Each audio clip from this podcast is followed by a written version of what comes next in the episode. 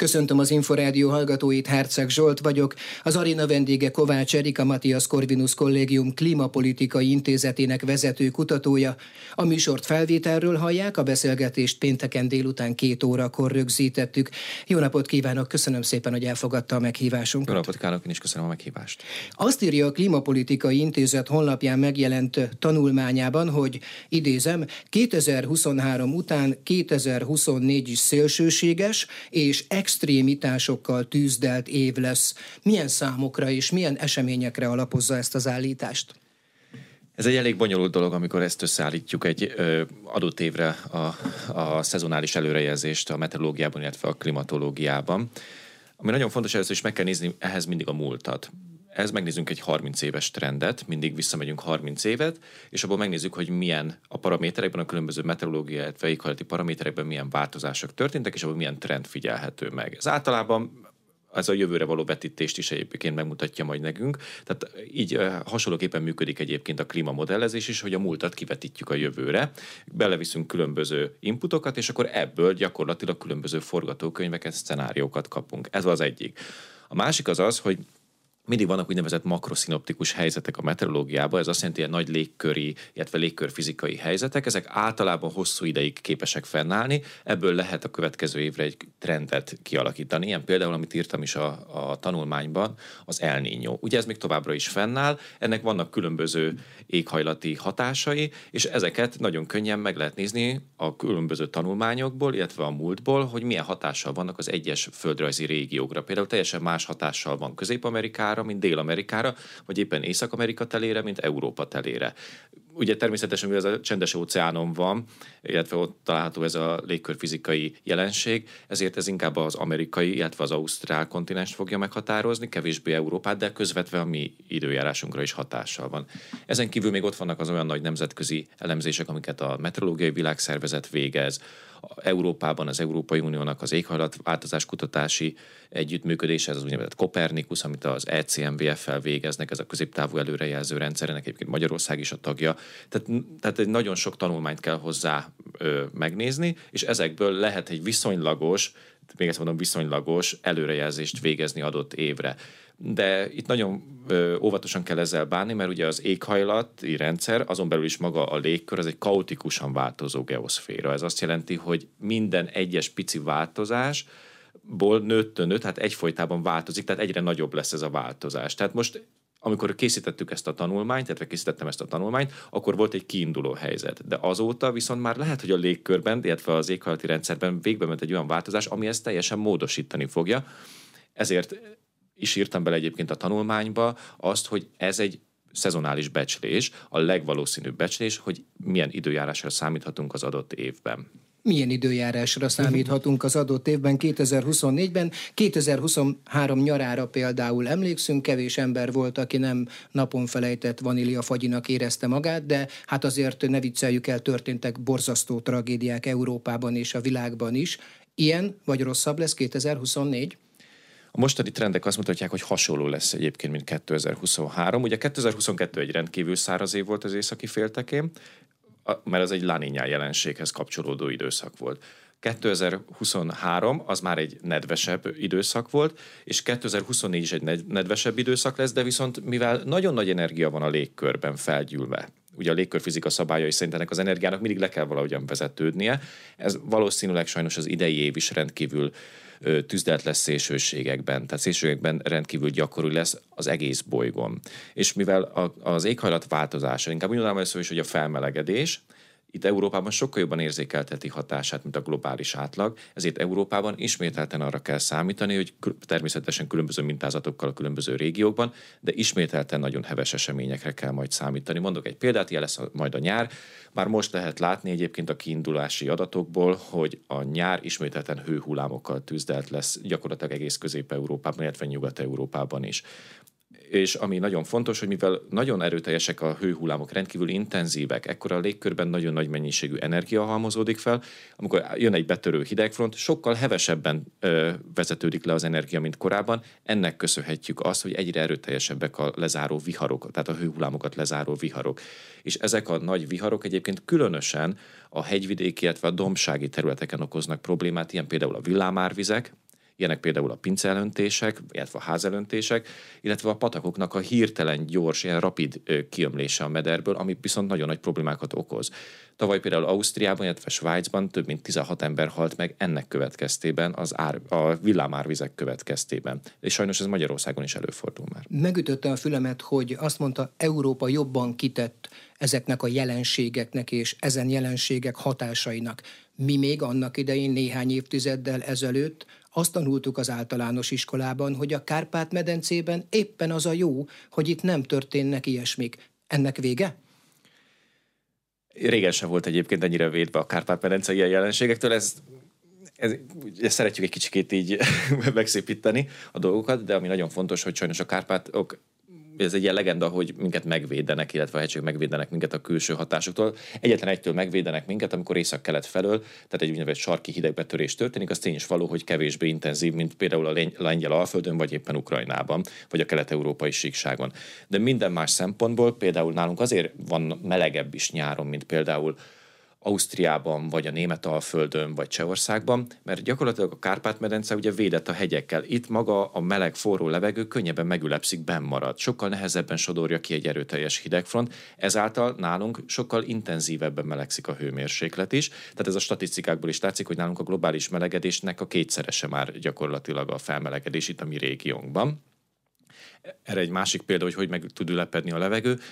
Nálunk például télen sokkal gyakoribbak a ködös helyzetek, erre mindenki emlékszik, mindenki tudja, hogy nálunk nagyon gyakori a ködös helyzet, különösen ősz végén, télen, illetve tavasz elején. Hát ez is annak köszönhető, hogy így megreked benne a levegő, ez természetesen ez az, az inverzió is okozza, de ez ennek köszönhető. Ugyanígy például maga a légszennyezettség. Sajnos, mivel a most sajnos vagy nem sajnos, de minket ugye a hegyek védenek, egy medence területen fekszünk, nagyon alacsony maga a tengerszint feletti magasság. Ennek következtében van az, hogy nálunk könnyebben, ami egyébként érkezik Lengyelország, Németország felül légszennyezettség, az nálunk itt meg tud rekedni. Ez is egyébként a hegyeinknek köszönhető, illetve az általunk körbevett hegyeknek köszönhető de mégis, minthogyha ezek az extrém, a hagyományos évszakok rendszerében nem illeszkedő események gyakoribbak és hevesebbek lennének. A szakember ezt a laikus észlelést, azt, hogy jóformán ma már azt kell kérdezni, hogy ma milyen évszak lesz, nem hogy milyen évszak van, ezt meg tudja erősíteni? Ez így van, ezt már láthatjuk a trendekből. Csak mondok egy példát, hát a tél gyakorlatilag, ugye ezt mindenki tapasztalja, hogy sokkal később kezdődik, mint korábban kezdődött. De viszont a tavasz sőt, inkább úgy mondanám, hogy a tél viszont belenyúlik a tavaszba. Tehát a ilyen hideg elárasztások, illetve úgynevezett sarki leszakad, a hideg sarki leszakadások egyre gyakoribbak áprilisban. Ennek is köszönhető például, hogy a, a mezőgazdaságból élők, különösen a szőlő és a gyümölcs termesztők, például a kajszi termesztők, alma termesztők, minden évben azt tapasztalják, hogy elfogyásuk van. Tehát hogy ez hatalmas kiesést jelent, hogy ugye elfogynak a rügyek, elfogynak a virágok. Ez ugye majd termés kiesést okoz, ami megmarad, az meg ugye kevés lesz a termés abból, illetve még ez a termés minőségére is kihat hathat. Tehát ezt lehet látni. És vannak egyébként olyan klímaszimulációk, amelyek azt mutatják, hogy a jövőben például a tél másfél, egy hónapra fog lerövidülni, a, a nyár az pedig akár hat hónapig is kitartod, ez egyébként az évszázad második felére lesz jellemző. De maradjunk akkor a nyárnál. A nyári napok, amikor 25 fok fölé emelkedik a legmagasabb hőmérséklet, az már egyre gyakoribb áprilisban, és egyre inkább előfordul már október végén, novemberben is. Nem hiába egyébként, hogy október, illetve november az egyik legjobban melegedő hónap itt a mi régiónkban. De mellette a legintenzívebben, amikor a legjobban érezzük a hőmérséklet emelkedést, az a téli hónapok, ugye nagyon enyhék a teleink is, ez egy nagyon nagy probléma egyébként itt a méghajlati területünkön, mert maga a flóra és a fauna hozzá van alkalmazkodott magához a hideghez.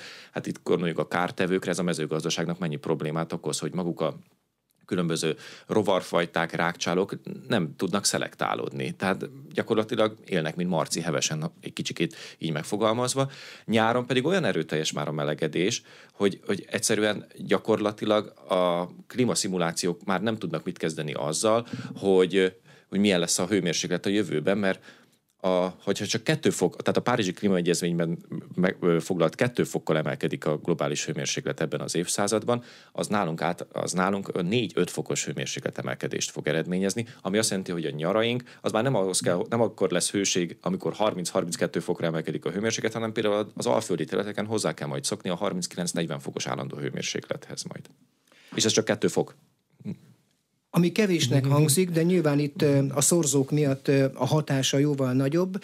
El is érkeztünk oda, hogy globális felmelegedés. Ezek szerint ennek nem csak a mértéke nagy, ha jól értem, és nem csak azzal van baj, hanem főleg a tempójával. Ugye, hogy ez Így túlságosan van. gyors ahhoz, hogy bármiféle szempontból alkalmazkodjunk hozzá. Nem, alkalmazkodni mindig, mi emberek vagyunk, tehát az emberek nagyon könnyen tudnak alkalmazkodni. Tehát ehhez, ami nagyon fontos, két fogalmat különböztessünk meg. Van az úgynevezett mitigáció, amikor kibocsátást csökkentek, tehát az üvegházhatású gázoknak a kibocsátását csökkentem, és van az adaptáció, amikor alkalmazkodunk. Ez alkalmazkodni tudunk globálisan, tudunk regionálisan, tudunk egyéni szinten, tud az egész társadalom alkalmazkodni bármi az az életben, ugyanúgy a klímaváltozáshoz is.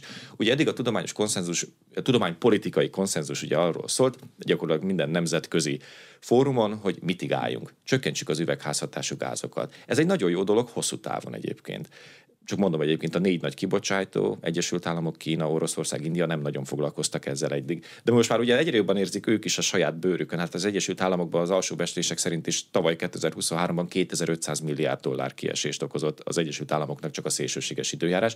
Most azért már nekiálltak már ők is foglalkozni ezzel, de majd mindjárt visszatérek. Tehát a mitigáció az hosszú távon segít. Tehát az nagyon hosszú évtizedekre előre segít. Miért? Ennek az egyik oka az, hogy a széndiokszid ugye egy gyenge melegítő gázról beszélünk, de csak ugye mindig a széndiokszidról beszélünk, ez hosszú távon lassan melegít, ez az üvegházhatású gáz, de viszont nagyon lassan lepedik ki a légkörből, akár 100-150 évig is a légkörben marad a széndiokszid. Ebből egyre több van. Van két másik nagyon fontos üvegházhatású gáz, az egyik az a metán, a másik pedig a dinitrogénoxid. A metán olyan 39-40-szer erőteljesebb melegítő hatással bír, mint maga a széndiokszid. Az elmúlt éveknek a jelentős hirtelen megugró melegedésért elsősorban a metán okolható. Azért, mert a metán három fő helyről származik most egyébként a légkörbe. Az egyik az a legfontosabb most jelenleg az a trópusi mocsaraknak a, a, a területéről. Gyakorlatilag a tudomány már kimutatta, hogy a mostani fel, az elmúlt éveknek az intenzív melegedésért ez a trópusi területekről, ahogy elmocsarasodnak a trópusi területek, nagyon nagy mennyiségű metán megy ki a légkörbe. A másik az maga a hús és növénytermesztés. Tehát itt a hús tenyészt, tehát a, a szarvasmarha tenyésztés, ez egyébként vissza, tehát csökkenőben van arányaiban, és mellett egyébként ott van a rizstermesztés. Tehát egyre több ember van, ennek köszönhetően ugye egyre több rizsre van szükség, különösen az ázsiai területeken, egyre több az elárasztásos terület, ugye a rizstermesztés az meg nagyon nagy mennyiségű metán nyom ki magából, tehát termel a légkörbe. A harmadik az pedig a fosszilis energiatermelés. Ez a három adja egyébként most a, a metánnak a, a kibocsátását. De ez rövid ideig van a légkörben, általában 7-11 évig. De mivel egyre több van a légkörben, nem akarjuk csökkenteni, és mi csökkentjük, de úgy értem, hogy globálisan nem csökken maga a metánszint, egyre nagyobb ö, ö, százalékban van a, a légkörben, ezáltal ugye ez rövid távon erőteljes melegedést okoz. És ott a másik, a harmadik az pedig a dinitrogénoxid, ebből is egyre több van, ez meg különösen a fosszilis üzemanyag bányászatból, illetve a fosszilis energia ö, erőművekből származik, ebből egyre több van egyébként a légkörben. Tehát ez a három okozza most ezt a hirtelen nagy melegedést. Említett kibocsátó forrásokat az üvegház hatású gázok tekintetében. A közlekedés az mennyire felelős ezért, és szerintem igazán az az érdekes, hogy a közlekedésen belül mi mennyire felelős. Személygépkocsikról sokat hallunk, tömegközlekedésről már keveset, még kevesebbet hallunk arról, hogy óriási tartályhajók, tankerhajók, teherszállító hajók járják az országokat, némelyik akkora, mint egy kisváros, legalábbis annyi ember biztos elfér rajta, azoknak is bizonyára óriási a kibocsátása, és valószínűleg arányaiban nagyobb, mint aki Érdről bejön a Hungária körútra a kis autójával. Szóval a közlekedésen belül hogyan oszlik meg a kibocsátási felelősség? A kibocsátási felelősség a közlekedésnél is bontsuk le úgy, hogy van az állam és a gazdaság, illetve hmm. vannak az egyének. Az egyének azok, akik a legkevesebben járulnak hozzá egyébként magához a kibocsátáshoz, tehát nem az egyszerű autós fogja megváltani a világot azzal, hogy lerakja egyébként az autóját, de természetesen hozzájárul majd ő is majd a hosszú távú sikerekhez majd ezzel.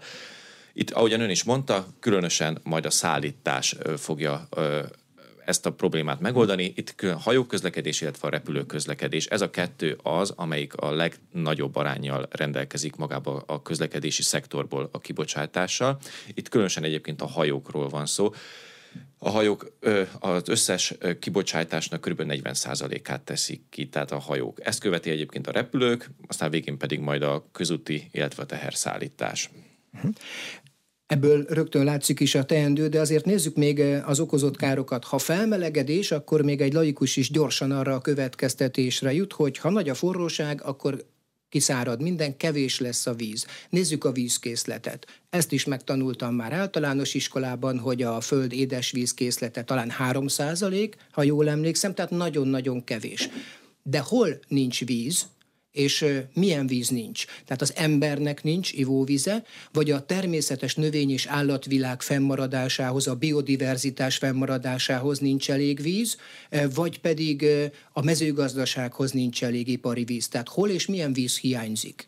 Ezt is kezdjük ott, hogy magában a légkörben egyre több víz van egyébként. Egyre, globálisan egyre több víz hullik ki Még egy a légkörből. Igen? Egyre több víz hullik ki a légkörből, ez a felmelegedésnek köszönhető, az óceánok egyre jobban párologtatnak, ezáltal pedig egyre több a, a vízkörforgásnának a rendszerébe egyre több vízgőz került telített állapotban, amiből egyébként a kondenzáció által majd ki fog hullani majd maga a csapadék.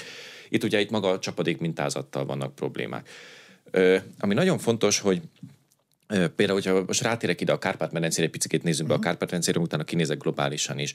Mindenki a klímaváltozásra akarja ráfogni azt, hogy például a Dunatiszának a köze, a Dunatisza köze elkezdett kiszáradni. De ez egyébként már a 19. század közepétől. Én láttam egy térképet, a ahol a sivatagként tüntették föl. Egy 19. századi térképet mutatott Illis László kollégám, amelyen desertként, sivatagként jelölték azt a vidéket. Igen, mert ugye ez egy ariditásra, tehát kiszáradásra hajlamos területről beszélhetünk. Uh-huh. Sivatag, és mindenkit megnyugtatok, sivatag sose lesz Magyarország. Tehát nem lesz sivatag, félsivatag sem lesz, de arid területek azok korábban is voltak, és ezek egyébként egyre gyakoribbak lesznek, de ennek egyébként az egyik ö, nagyon nagy okozója maga az a folyószabályozás volt. Uh-huh. A 19. illetve a 20. század elejé folyószabályozások uh-huh. voltak.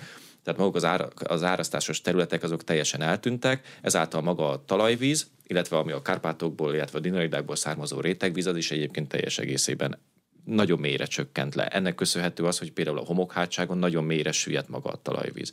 Globálisan Összességében, ahogyan ön is mondta, 2,9% a, az édesvíz, amit felhasználtunk. Ennek a jelentős része egyébként felszín alatti víz. Ennek a nagy részét egyébként elkezdtük kibányászni emberek, vagy kiaknázni emberek, különösen a fejlett régiókban. Illetve van most már egy nagyon nagy hányad, az pedig a gletszerek olvadásból származó édesvíz, amit különösen belső Ázsiában, illetve hát amíg volt Afrikában jelentős gletszerot próbálták ezeket hasznosítani, illetve felhasználni. És van egy másik módja, amit például Izrael esetében látunk, vagy az Egyesült Arab Emírségek esetében, vagy éppen Dél-Oroszország esetében láthatunk, hogy magából a sós tengervízből különböző egy, ö, ö, folyamatokkal ö, leválasztják magát a sót, lepárolják magát a sót, illetve onnantól kezdve pedig édesvízként felhasználják a visszamaradt vizet. Zárójeles megjegyzés, gondolom ennek a technológiának is van energiaigénye. Természetesen. Vizet nyerünk vele, de közben gondolom óriási energiát használnak fel, ami pedig tovább fokozza a globális felmelegedés tempóját, igaz? Hát, hogyha például az Egyesült Arabok emírségek vagy Szaudarábia esetében nézzük, ugye ott megvan hozzá a kőolaj, meg a földgáz, amit föl tudnak használni, de például Izrael esetében pedig láthatjuk, hogy ott naperőművekből állítják elő ezt a, a plusz energiát, de vannak olyan országok, mint ilyen például Japán, ahol viszont szélenergiából állítják elő magá az ehhez szükséges energiát. De ugye mindennek az előállításához kell foszilis energiaforrás, tehát most még ott tart a technológia globálisan, tehát természetesen minél nagyobb az energia szükséglet, annál több helyről kell származnia magának az energiának. Az embernek tehát van elég ivóvize, de amire még rákérdeztem, hogy a természetben, a természetnek, a növényvilágnak, az állatvilágnak ott van az a vízmennyiség, ami szükséges a fennmaradásához, mert ha ők elpusztulnak, akkor mi is elpusztulunk. Szerencsére nem láthatunk, nincsen most jelenleg olyan konkrét bizonyított ö, tény, ami azt mondaná, hogy a csökkenő ivóvíz egyébként, vagy a csökkenő édesvíz, mm. az befolyásolná magát a biodiverzitást jelenleg. Természetesen vannak olyan régiók a világon, ahol a csapadék mintázat megváltozik, ahol jobban felhasználják magát a felszín alatt, illetve a felszíni vízfolyásokat, ott van átalakulás. Ilyen például az Alpok. Ugye az Alpoknál ott láthatunk egyébként egy nagyon jelentős deficitet magában, az Alpok, illetve az Alpok környékén láthatunk egy jelentős deficitet magában a, a talajvízben.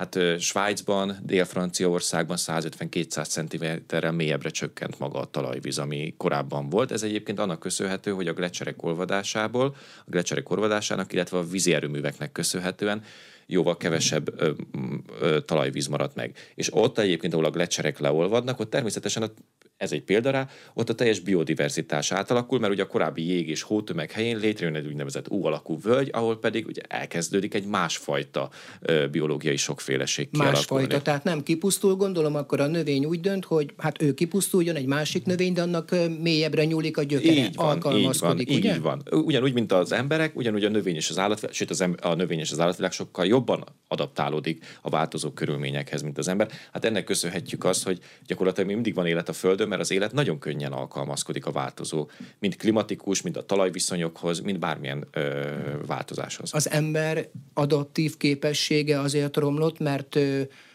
végzetes vagy végletes mértékben elszakadt a természettől? Inkább úgy mondanám, hogy a, a a technológia fejlődésével elkényelmesedett az össz emberi társadalom. Tehát ugye mindent a technológiára próbálunk most már, mindennel kapcsolatban a technológiára próbálunk hagyatkozni.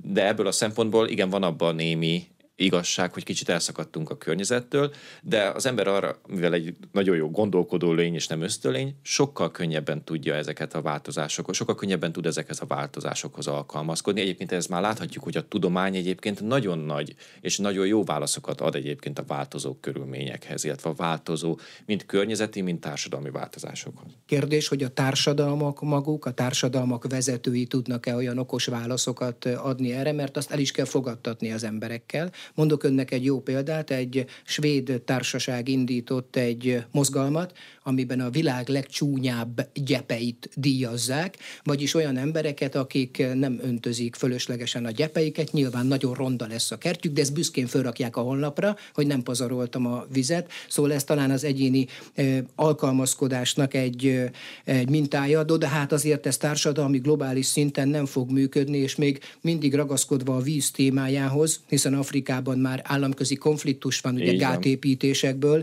tehát lehet, hogy tényleg nem valószínűtlen, hogy a következő nagy háborút a vízért fogják elindítani. De nem kell menni Afrikáig, Pakisztán és India között is egyébként ott van a, Így van. A konfliktus. Tud az ember, a tudomány, a technológia, bárki vizet vinni oda, ahol nincs? Vagy ott kell kialakítani olyan körülményeket, hogy legyen víz?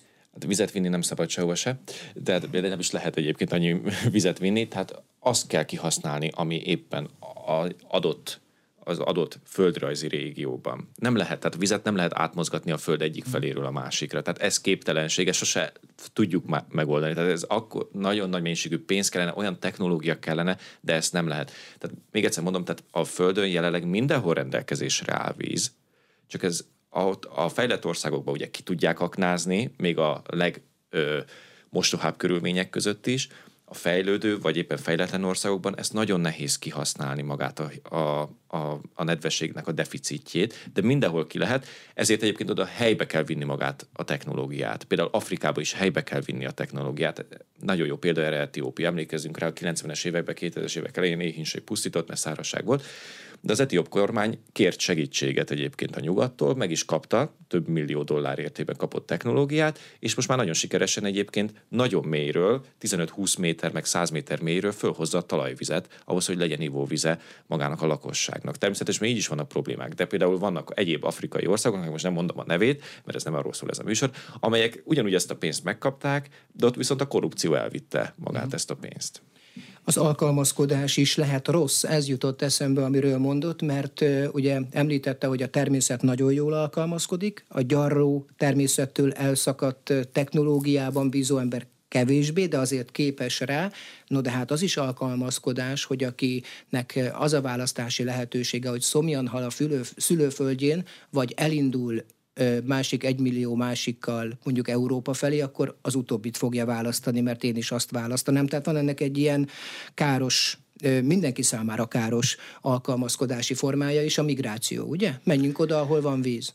Hát igen, igen. Ez Vagy ahol kevésbé van meleg. Ez a, ez a negatív oldala neki egyébként az alkalmazkodásnak. Ugye szoktam mondani, hogy mindennek van pozitív és negatív oldala, természetesen az alkalmazkodásnak is van. Ilyenkor jön be egyébként egy, egy olyan szó, egy ilyen nagyon furcsa szó, hogy hogy konnektivitás, tehát az, hogy a nemzetközi kapcsolatoknak a kiépítése, aminek az a lényege neki, hogy ugye a magát, vegyük úgy, hogy most akkor legyen klimapolitika, vagy a vízpolitikát, ezt össze kell nemzetközileg hangolni, de viszont magán a nemzeti szinten kell ugye ezt véghez vinni. Tehát mondok egy példát, sose fogjuk tudni Burundiba megmondani innen Európából, hogy mi kell nekik, de viszont, hogyha ők kérnek segítséget, technológiát, pénzt, azt viszont akkor küldeni kell nekik, és ezzel is egyébként tudjuk csökkenteni azt, hogy migrációs nyomás elég, illetve alá kerüljön például Európa. De természetesen van így is olyan, vannak olyan emberek, akik attól függetlenül ugyanúgy el akarnak majd menni, mert a jobb pénz, a munka, a tanulás, stb. ezeknek a lehetősége miatt elindulnak például a fejlettebb világ felé. Hogyan lehet odavinni a vizet, ha nem lehet odavinni a vizet, akkor hogyan lehet helyben, milyen technológiákkal vizet kinyerni a természetből? Azt mondta, hogy van víz, van technológia, akkor miért nincs mégis víz a világnak nagyon sok táján?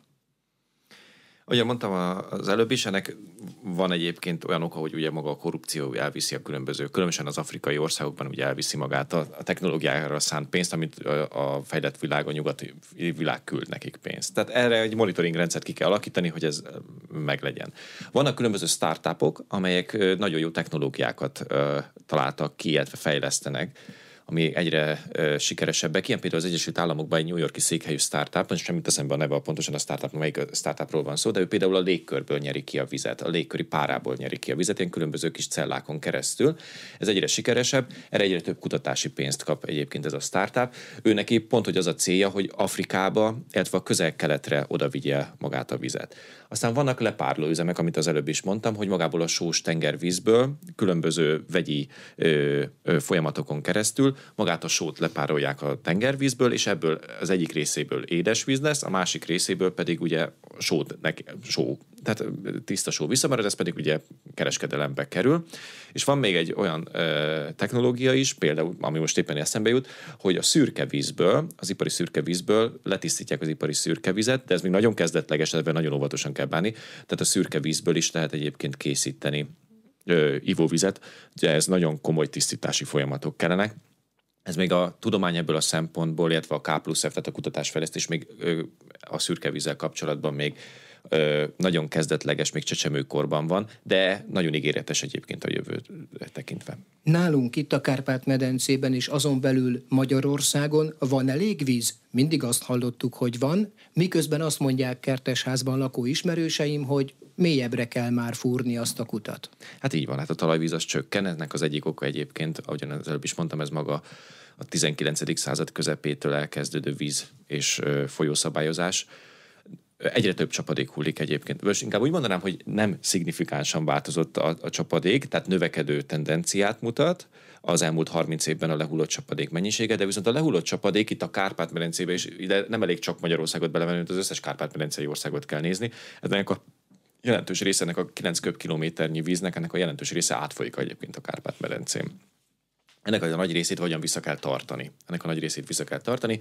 Nagyon sok víztározó épült az elmúlt években az országban, hogyha most skálázzuk le Magyarországra, nagyon sok víztározó épült, de még ez is kevés, tehát sokkal többnek kell lennie. De van egy nagyon jó kezdeményezés az országban, nagyon sok település saját maga ilyen kis picik kis víztározókat épít, különösen ez a falvaknál figyelhető meg. A, tehát két víztározó, ezt úgy kell képzelni, hogy van két víztározó, az egyik víztározóba az egyik évben ugye ivóvízként használják, illetve öntözővízként, az egyik víztározót, a másikat az pedig odaadják a természetnek, majd helycserét végeznek, tehát az feltöltődik addig. Na, tehát ezeket láthatjuk, ezek nagyon jó technológiák, illetve nagyon jó ötletek, nem technológiák, inkább ötleteknek mondanám ezeket a víztározókat, és átvettünk egyébként Izraeltől és Amerikától is ö, ö, víztározást, ilyen például a felszín alatti víztározást. Ez azt kell képzelni, hogy a talajvizet, ugyanúgy, mint a felszínen a gátrendszert, ezt leviszik a talajba, és ugyanúgy feldúzzasztják magát a talajvizet. Hát például ennek köszönheti Las Vegas, illetve a, a Arizona, Kaliforniának a, keleti fele ennek köszönheti az ivóvízellátását, hogy gyakorlatilag a talajvizet, ennek a sivatagi területnek, sivatagi, félsivatagi arid területnek a talajban található nedvességét feldúzzasztják. Ez is egy nagyon jó technológiája a jövőre nézve. El is érkeztünk a mezőgazdaság témájához, itt is nagyon fontos az alkalmazkodás. Ahol mi élünk, ott a jövőben, a közeljövőben mást kell majd termesztenünk és tenyésztenünk, illetve más hogy, mert ami eddig ment, az nem bírja ezt a klímát? Ami nagyon fontos, hogy ugye Magyarországon a mezőgazdasága az gyakorlatilag át fog alakulni hogyha csak a klimatikus adottságokat nézzük, de itt azért még egy másik dolgot is bele kell venni, ez a talajadottságok. A, nem csak Magyarországon, hanem Európában is láthatjuk, hogy a talajoknak a minősége nem a legjobb most már, mint korábban volt. Ez annak köszönhető, hogy ugye a mezőgazdaság nem pótolja vissza azt a szerves, illetve szerves, szervetlen anyagmennyiséget, ami kellene. De ez nem csak nálunk van, hanem ez egész Európában, Amerikában, Ázsiában mindenhol megfigyelhető, hogy a talajok egyre inkább ö, ö, romlanak, és ö, ez az egyik oka neki egyébként, hogy a mezőgazdaságban komoly fordulat kell. Ha viszont rátérünk a klímára, akkor ott azt láthatjuk, hogy sajnos megváltoztak a, a klimatikus körülmények. Hogyha most megnézzük, ugye a nyarak egyre szárazabbak, egyre kevesebb csapadék hullik, egyre kevesebb csapadék hullik, ami lehullik csapadék, az meg hirtelen hullik le, tehát a csapadék intenzitás növekedése következtében a lehulló víznek a nagy része az átfolyik. Tehát a mezőgazdasági területeken, tehát nem szívódik be magába a talajba. Sőt, még pusztít is. Sőt, még pusztít is, így van. Télen nőtt a lehullott csapadéknak a mennyisége, de ez már nem hó formájában hullik ennek a nagy része. Mert ugyanis a talajnak nagyon nagy szüksége lenne fedett vastag hótakaróra, ami majd szépen lassan beszivárog talajnak a mélyebb rétegeibe. De hát egyrészt hiányzik a hó, ami pedig lehullik hó, az pedig nagyon gyorsan elolvad. Tehát most már nincsenek meg azok a hideg téli, hosszú téli periódusok, amik korábban voltak, hogy lehullott a 20, 25, 30, 40, 50 cm hó, és az akár ö, hetekig meg volt a, a, fette a talajt. Ezt láthatjuk, hogy általában leesik, jön egy hideg periódus, az két nap múlva véget ér, és egy nagyon hirtelen enyhességgel az a kis pici hó is, ami lehullik, az, á, az gyakorlatilag elillan, tehát elpárolog, illetve nagyon gyorsan átfolyik az országon. Tehát ebből a szempontból is ez is jelentős változást fog eredményezni. Azt lehet látni, hogy Magyarországon a mezőgazdaság még mindig egyébként a természetre van utalva. Tehát ez, a, ez azt jelenti, hogy a természet kénye kedvére ki van téve a mezőgazdaság. Ebbe egyébként egy komoly változás kell majd a hazai mezőgazdaságban. Igen, Itt az bocsánat, hogy van más milyen mezőgazdaság, mint ami nem a természetnek van kitéve? A fóliasátor, vagy mire gondol? Hát most már az is, vagy éppen ott van a vertikális mezőgazdaság, amit egyébként láthatunk például a, a Ázsiában, Szingapurnak uh-huh. a mezőgazdaságát, tehát a, az élelmiszerellátásának 99%-át már a vertikális mezőgazdaság adja. Az azt jelenti, hogy, be, hogy bement a, a városba a mezőgazdaság. Természetesen avval is, hogyha az de ilyen például az öntözőrendszernek a, a kialakítása. Tehát ez is onnantól kezdve, hogyha kialakítjuk magát a megfelelő öntözési rendszereket, az országban egyébként nem lehet, mert nincsenek meg azok az adottságaik, tehát természeti adottságai nincsenek meg az országban, hogy mindenhol öntözőrendszereket kialakítsunk abban is csak egy pár százalékkal lehet javítani egyébként az ország mezőgazdaságát. Ilyenkor jön be az, hogy hogyan fog a mezőgazdaság alkalmazkodni. Hát az egyik az az, hogy újfajta növénytársulásokat kell majd behozni az országba. Ezt már most is láthatjuk. Van egy nagyon régi növényünk, ami nagyon nagy sikerrel terem egyébként Európában, most ismételten ez a cirók. Ez majd a kukoricát helyettesítheti. Az egyes különböző makrohorrokból, vagy mezohorrokról, ezeken közép- és kis tájakról át kell vinni egyik tájról a másikra majd a különböző növényeket. Például a kukoricát, azt már nem az Alföldön kell majd a jövőben legnagyobb mennyiségben termelni, hanem majd engedve termeszteni, hanem majd a Dunántúlnak az alacsonyabb területei, mert ott továbbra is egyébként megmaradt a nedvesség. Tehát ott továbbra is nagyon jó a talaj, illetve a nedvesség adottságok hozzá. De ugyanígy a kicsit menjünk a hobbihoz, nézzük meg a szőlőt. A szőlő is egyébként nyugat, Dél-Európából egyre északabbra megy a kiváló bortermőterületeknek a határa. Magyarországon ma már például villányban jobb minőségű borokat készítenek, például vörös borokat készítenek, mint például Közép-Olaszországban, vagy Görögországban, vagy, vagy Spanyolországban az ott lévő nagyon nagy forróság, illetve szárazság gyakorlatilag pöpesíti magát a bornak a minőségét, tehát ezért már a villányiak már sokkal jobbak. De ugyanúgy láthatjuk, egy, még egyszer így a borászatnál maradok egy pillanatra, hogy mennyivel változott például a Soproni borvidéknek az adottsága. A Soproni borvidéken korábban nem voltak olyan jó minőségű vörös és fehér borok, mint most. Ennek az egyik oka egyébként maga a klímának a megváltozása. Természetesen ezt ideig, óráig fogjuk majd élvezni mi is, de erre a legjobb példa, még egy példát mondanék, ez a skandináv félsziget. A skandináv félszigeten megjelent a borászat egyre nagyobb területen. Vannak egyébként a FAO-nak, ez a Nemzetközi Mezőgazdasági Világszervezetnek, vannak olyan előrejelzései, hogy például 2060-70 után Finnország nagyobb gabonatermő ország lesz, mint Németország. Tehát vannak ilyen szenáriók is, ez a, a növekedő hőmérséklet következtében. Aztán ami még nagyon fontos a mi mezőgazdaságunkból az alkalmazkodásnál, az a precíziós eszközöknek a használata. Ez egyre nagyobb teret hódít idehaza is, egyre több ö, mezőgazdász használja, ezek az úgynevezett modern eszközök, tehát az applikációk, a robotizáció, tehát ezek a digitalizáció, ezekkel lehet egyébként aktuális például ö, talajnedvességet mérni, ezek készítenek nagyon rövid távú előrejelzéseket, figyelmeztetéseket adnak például a jégeső ellen, stb. stb. Tehát ezek a precíziós eszközök, ez a mezőgazdaság 4.0-ban meg van fogalmazva az Európai Uniónál, hogy ezeket használni kell. Ezeket egyre sikeresebben használják Svájcban, Ausztriában, Franciaországban, és már Magyarországon is egyre nagyobb terül, egyre, egyre több embernél, egyre több mezőgazdasági termelőnél megmutatkozik maga a precíziós eszközöknek a, a hatékonysága. És még egy nagyon fontos dolog, bár ez nem az én feladatom, de azért elmondom, hogy a másik az pedig a mezőgazdaságban dolgozóknak az attitűdjén is egy kicsit változtatni kell. Ugye nagyon sokan, nagyon sokan még a ma is a mezőgazdaságban úgy vannak, hát hogy minek változtass. Csak eddig is megtermett az a búza és az a kukorica, az a jövőben is meg fog. Ez nem biztos. Tehát a, a mezőgazdaságban ö, aktívan résztvevőknek is az figyelembe kell venniük, hogy a klímaváltozás itt van a nyakunkon, ez komoly változásokat fog okozni, és használják az új modern digitalizációs eszközöket, mert enélkül nincs a jövő mezőgazdasága. És még egy alkalmazkodási ö, ö, ö, stratégia, amit egyébként Magyarországon egyre több startup ezzel foglalkozik, az pedig, amit már az előbb mondtam, Szingapúr, Japán, Kína esetében a vertikális mezőgazdaság, tehát városokba be fog menni egyébként a jövőbe a mezőgazdaság. Tehát, ö... Ezt hogyan kell elképzelni a társasháza merkéjén fogok paradicsomot termeszteni? Most nem erre gondoltam, de egyébként így is el lehet egyébként képzelni. Ezt úgy kell elképzelni, hogy lesznek ilyen nagy üvegházak, amiket, hogyha valaki volt Szingapurban, az már látható, hogy vannak ilyen nagy üvegházak, gyakorlatilag felhőkarcoló méretű üvegházak, és ott zajlik maga a mezőgazdaság bent.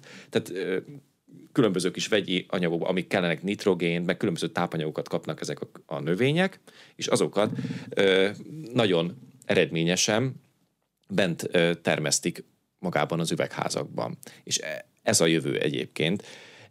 Ez és fenntartható? Ez fent, is úgy tűnik, mint hogyha ennek nagy lenne az energiaigénye, nem?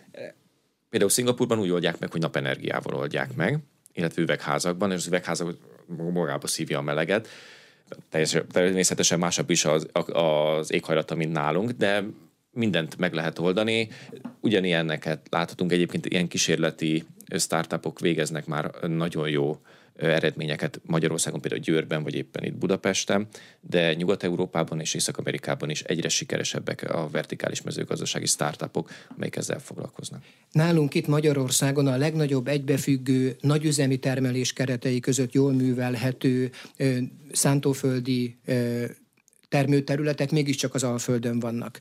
Ha nem azokat a fajokat, fajtákat kell majd termeszteni, mint most a következő évtizedekben, akkor mit?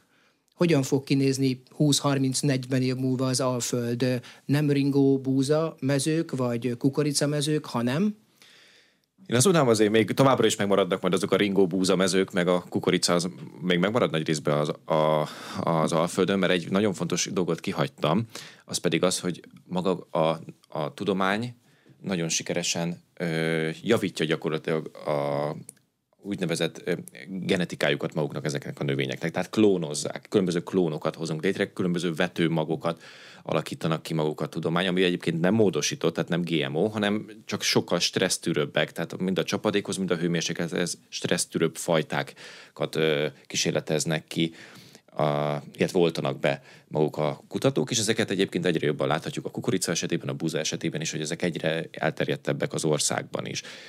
De hogyha viszont az egész évszázadra nézem, tehát nem csak 20-30 évre, hanem az egész évszázadra nézem, hogy fog ez kinézni az országban, azt láthatjuk, hogy egyre inkább majd a mediterrán fajták is megjelennek. Gondoljunk csak például most már Zala megyére, Somogy megyére, vagy Baranya megyére, hogy ott a kivi termesztés, a datója szilva termesztés, től elkezdve a narancs termesztés, mangó termesztés egyre nagyobb területen megjelenik. Hát gyakorlatilag Közép-Európában nálunk termesztik a legjobb kivit, és a, legnagy, a közép-európai országok közül mi vagyunk azok, akik a legjobban, illetve leggyorsabban visszük az exportra. De ugyanígy megjelentek a mediterrán borszőlőfajták is az országban. Egyre nagyobb területen lehet termesztenek sziráhot, cimfandelt, karinyánt, tehát amiket korábban egyébként Olaszországban vagy Szicílián fordultak csak elő. Most már ezek is az országban nagyon nagy sikerrel termeszthetőek. Tehát a klímaváltozásnak is, mint minden szélsőségnek, vannak pozitív hatásai, illetve vannak negatív hatásai is. Az emberiségnek az a lényege, hogy mindig alkalmazkodjon, és a próbálja meg kiaknázni a pozitív hatásokat. Nyilván nem úgy kell kezelnünk ezt, mint szegény dinoszauruszoknak a meteoritot, mert arra nem lehetett fölkészülni. Erre mi, viszont igen. Mi föl tudunk rá készülni, de azért szerintem itt nagyon fontos a tempó. A mezőgazdaság, erről van valamennyi szakiskola ismereteim, egy hosszú távra tervező ágazat, ott maga a tudás is hosszú távú, aki nemzedék óta a kukoricát termeszt, az meglehetősen lassan tud átállni a kivire. A globális felmelegedés most látható, önök által kutatott tempója hagy nekünk elég időt arra, hogy felkészüljünk, utána pedig gyakorolhatjuk elég ideig a következő nagy változásig a kivitermesztést? Mert néhány száz ezer éve már begyakoroltuk a búzát és a kukoricát, meg a többit, a krumplit például, de hogy lesz elég időnk belejönni a kivi, a narancs, a datoja szilva és a mediterrán szőlőtermesztésbe is? A tempó engedi ezt nekünk?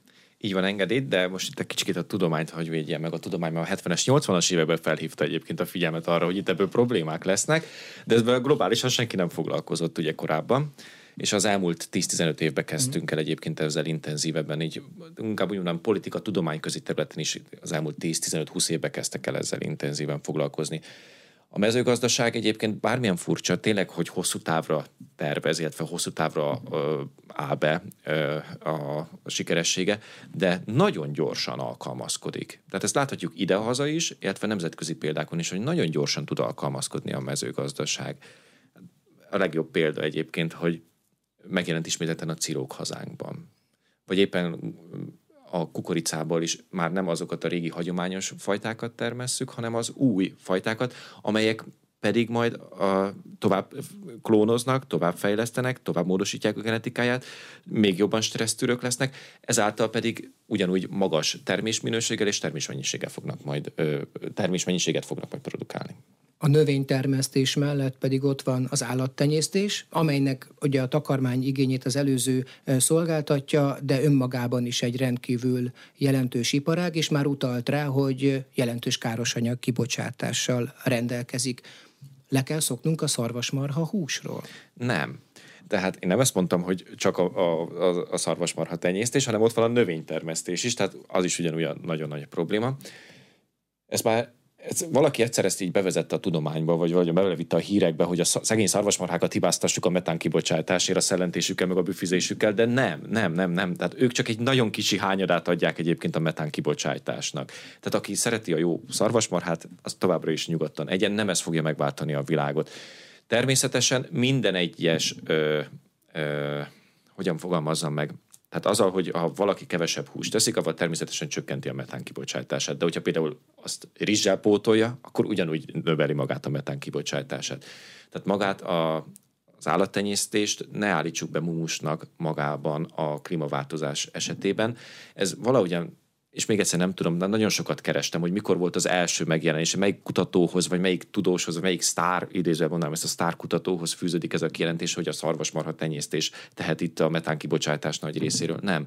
Ott van a, a gabonatermesztés, ugyanúgy, a gabonatermesztés során ugyanúgy van egyébként metán kibocsátás, de mondom, még egyszer mondom, tehát a, mostani jelentős metán kibocsátást, ami most ez hirtelen megugrott a hőmérséklet emelkedés, ennek a legnagyobb oka most jelenleg a trópusi mocsárterületekről származó metán, illetve a permafrost területekről származó metán. Nyilván őket nehezebb hibáztatni egy mocsarat. Nem is lehet. Nem mint is lehet. egy szegény bocit, akit sokkal könnyebb hibáztatni. Minden esetre, hogyha a mezőgazdaságunk Magyarország is, a globális agrárium is viszonylagos könnyedséggel tud ehhez alkalmazkodni, akkor rátérve az egyén alkalmazkodására egy kicsit a saját igényeinket kellene visszafogni? Tehát nem a jó létünkről vagy a jól létünkről lemondani, hanem talán olyan igényeket, amelyeket most természetesnek veszünk, mert a piac kielégíti őket könnyedén és olcsón, azokat lehet, hogy extrémnek tekinthetjük mostantól. Együnk-e avokádót, így is kérdezhetem. Együnk-e avokádót, igen. Tehát ez egy nagyon jó kérdés egyébként, tehát ez egy nagyon jó kérdés, mert az egyéni felelősségvállalás az, az az, ugye az egyéntől is függ, benne is van nevű, hogy az egyéntől függ, hogy kinek mi az igénye, kinek mire van igénye. Ezt nagyon nehéz egyébként megmondani, de tény is való, hogy racionálisabban, észszerűbben mi is hozzájárulhatunk egyébként, nem is a klímaváltozás ellen, mert ahhoz nagyon nem, nem az egyén tehet magával a klímaváltozásról, hanem inkább a környezettudatossághoz, illetve a környezetvédelemhez járulhatunk hozzá.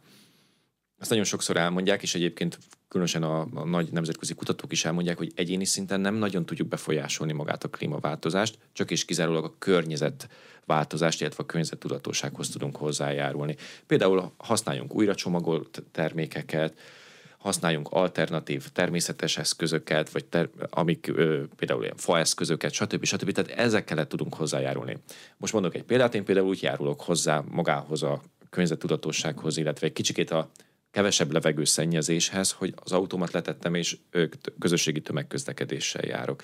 De van olyan ember, aki például ezt nem teheti meg, mert éppen olyan helyen lakik, hogy nem megfelelő a tömegközlekedés, vagy éppen nincs kialakítva az infrastruktúra, ez a világon bárhol előfordulhat, ő neki használnia kell az autóját, ő majd másként fog hozzájárulni, ő például lehet, hogy nem 20 vagy nem 18 fokra állítja be otthon a légkondiát, hanem 22 fokra állítja be a légkondiát, és ebben kevesebb energiát fogyaszt. De ugyanúgy ott van a víz esetében, hogy kevesebb vizet fogyasztjunk, fogyasztunk, és azt láthatjuk is, hogy ö, egyéni szinten ez az egyik egyébként az a kulcsmondat, ez a vízfogyasztás, amit az emberek a legjobban odafigyelnek, ez pedig a vízspórolás. Nem csak a számláik miatt, hanem azért is, mert így próbálnak környezettudatosak lenni. Tehát ez a, ahány egyén, ahány család, ahány ember, annyiféleképpen tudunk alkalmazkodni, illetve annyiféleképpen tudunk tenni a környezetünknek a védelméért. Ha már itt tartunk, a klímakutató hol húzza meg akár saját magában is, ha képes rá a klímatudatosság és a klímaszorongás közötti határt? Bármilyen furcsa, hogy én nagyon annyit foglalkozok ezzel, hogy nálam nincsen szorongás.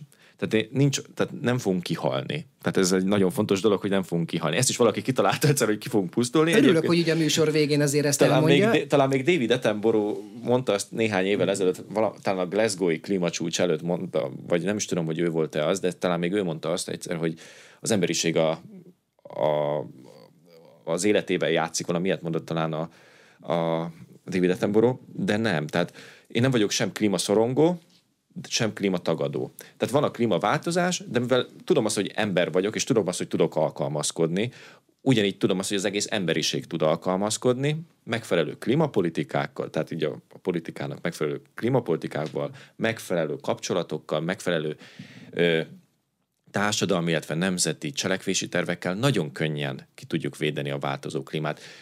Egyetlen egy dolog, ellen nem lehet tenni, az pedig a nagyon extrém szélsőségek ellen, tehát a szélsőséges időjárás ellen, az ellen nem lehet. Tehát bárhogyan is akarunk védekezni, nem lehet ellen védekezni.